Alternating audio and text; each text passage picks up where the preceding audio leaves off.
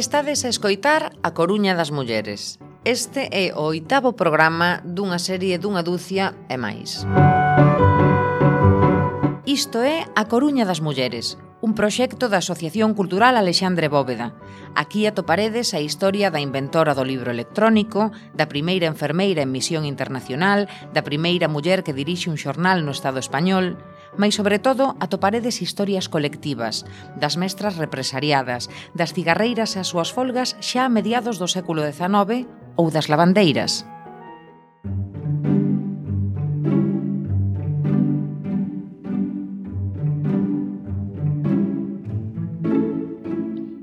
Hoxe imos falar dun binomio que durante moito tempo se nos quixo dicir que maridaba mal.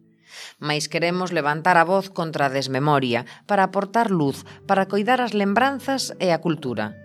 Hoxe temos en Galiza nomes propios de mulleres no ámbito científico, ligadas case todas elas ás universidades galegas como é o caso de María Teresa Miras Portugal, catedrática de Bioquímica e Bioloxía Molecular nas Universidades de Oviedo, Murcia e a Complutense de Madrid. Foi presidenta da Real Academia Nacional de Farmacia é a primeira muller na historia desa academia.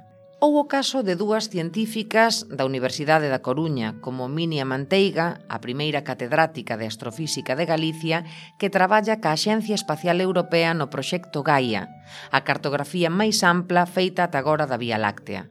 Ou Neves Brisaboa, investigadora do CITIC, o Centro de Investigación TIC vinculado á Universidade da Coruña que recibiu o Premio Nacional de Informática, concedido pola Sociedade Científica Informática de España no ano 2019. Elas son porque outras foron, e por ese binomio muller-ciencia que semellaba chamar a unha realidade case inexistente, debemos seguir investigando para saber máis daquelas mulleres que en tempos pasados fixeron ciencia e a defenderon. Para falar de Muller e Ciencia, escollemos as biografías de catro mulleres das que vos falaremos hoxe. Ángela Ruiz Robles, Ángeles Alvariño, Celia Brañas e María Bonenburger. Sabes a quen se debe a invención do primeiro libro electrónico? Seguro que estás pensando nun americano que traballou para IBM ou para algunha universidade americana. E estás trabucada. Escoita. No Museo de Ciencia e Tecnoloxía da Coruña atópase, dende o ano 2012, unha peculiar caixa metálica de cor verde esvaído. Leva o curioso nome de aparato para lecturas e exercicios diversos. Este aparato considérase hoxe en día como un antecedente do libro electrónico. En 2016, Google dedicoulle un doodle no aniversario do nacemento da súa inventora, Ángela Ruiz, unha mestra que, aínda que naceu en León, desenvolveu case toda a súa vida en Galiza.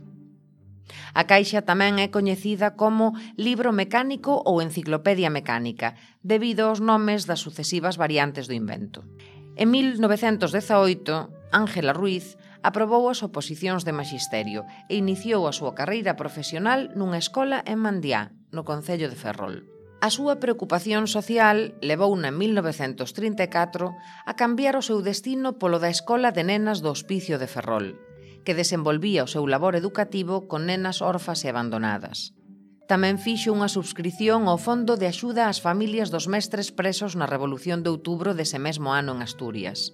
Precisamente este feito sería o que despois do golpe de Estado militar do 1936 propiciará que se lle abra un expediente de depuración que non pechará até cinco anos despois, aínda que sen ningún tipo de sanción. As súas inquietudes educativas parece que non quedaban satisfeitas co traballo dirixido ás crianzas e por ese motivo, xa dende a posguerra, creou unha academia onde formaba as persoas que quedaran sen traballo.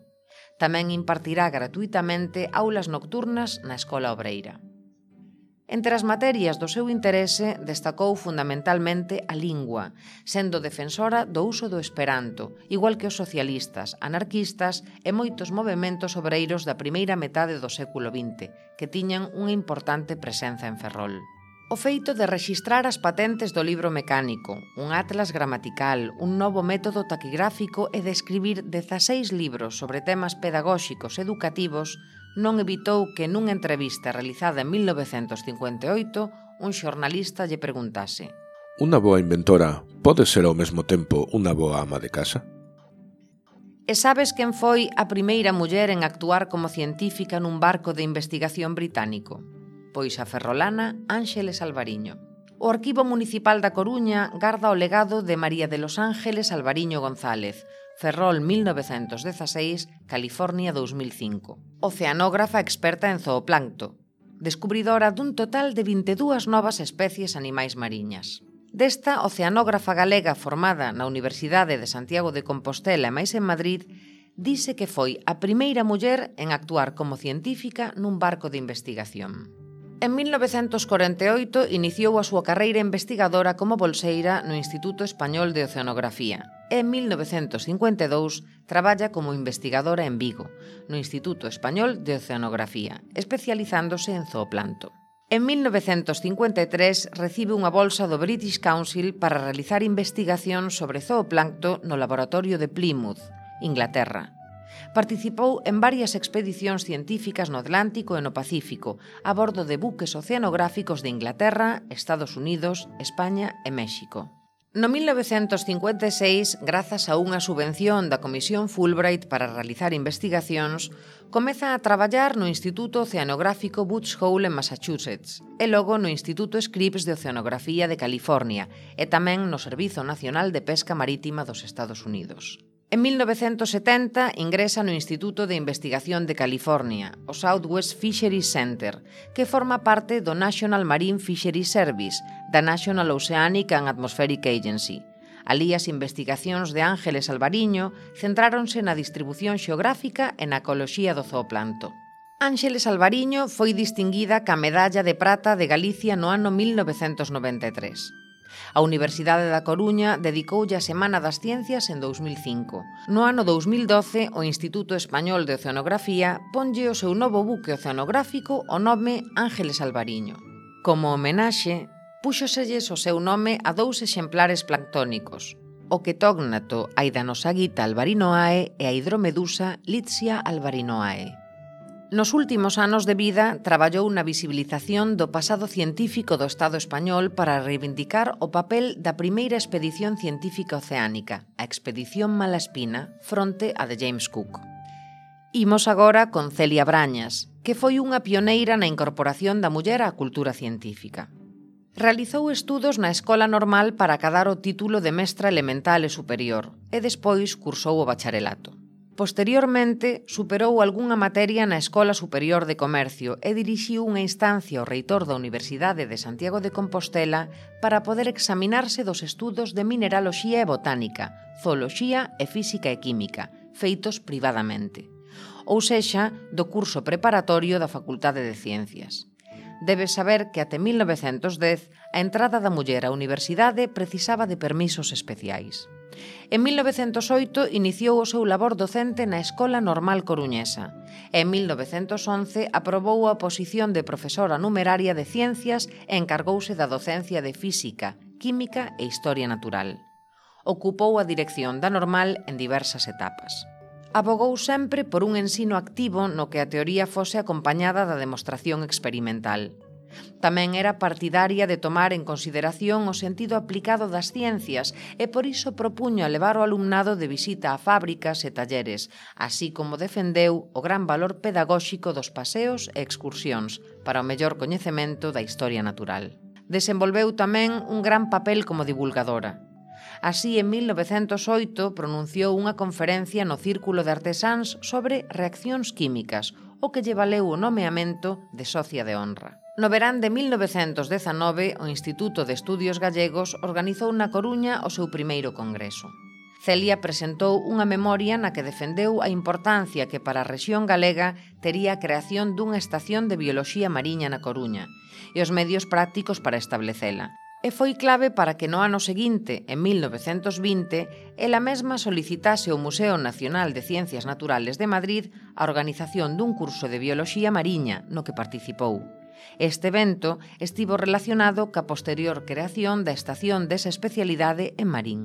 Tamén se amosou partidaria de que nas escolas de maxisterio se impartisen cursos de cultura xeral para mulleres e desde 1912 foi precursora no labor de extensión universitaria nesas escolas, pronunciando conferencias sobre temas como electricidade estática, filosofía da historia, progresos e aplicacións da fotografía ou educación e instrucción da muller.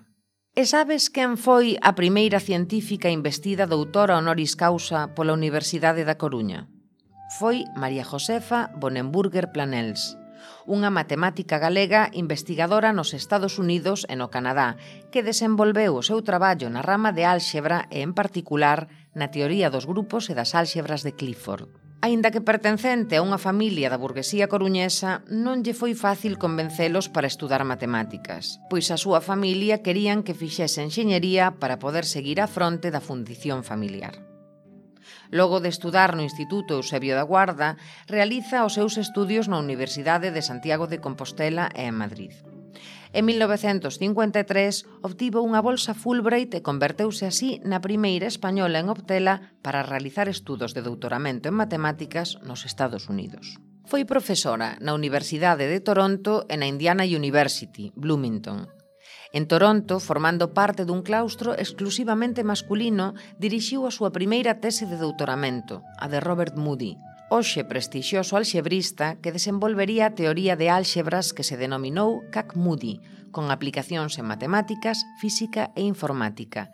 E aínda que Bonenburger foi a súa inspiradora, o seu nome non se recoñece na denominación desta teoría. Os seus traballos foron publicados en prestixiosas revistas científicas internacionais e dirixiu oito teses de doutoramento. Polo alto nivel e repercusión científica dos seus traballos, é considerada unha figura excepcional das matemáticas. María Bonenburger realizou o seu doutoramento en Yale en 1957 e logo de conseguir unha bolsa postdoutoral queda ali tres anos máis. Ao rematar, decide regresar a España e durante tres anos foi bolseira no Instituto Jorge Juan do CSIC mais foi obrigada a doutorarse por segunda vez en Madrid, ou non recoñecerse en España o seu título, outorgado pola quinta universidade no ranking mundial, a prestixiosa Universidade de Yale. En 1960 regresa a América, primeiro a Queen University de Ontario, Canadá, En 1967 obtivo unha praza na Universidade de Indiana, onde permaneceu ata 1983, momento no que por mor da enfermidade da súa nai decide regresar a Galiza. A Unidade de Muller e Ciencia da Xunta de Galicia creou en 2007 o Premio María Bonenburger para recoñecer a aquelas mulleres galegas no ámbito da ciencia e da tecnoloxía.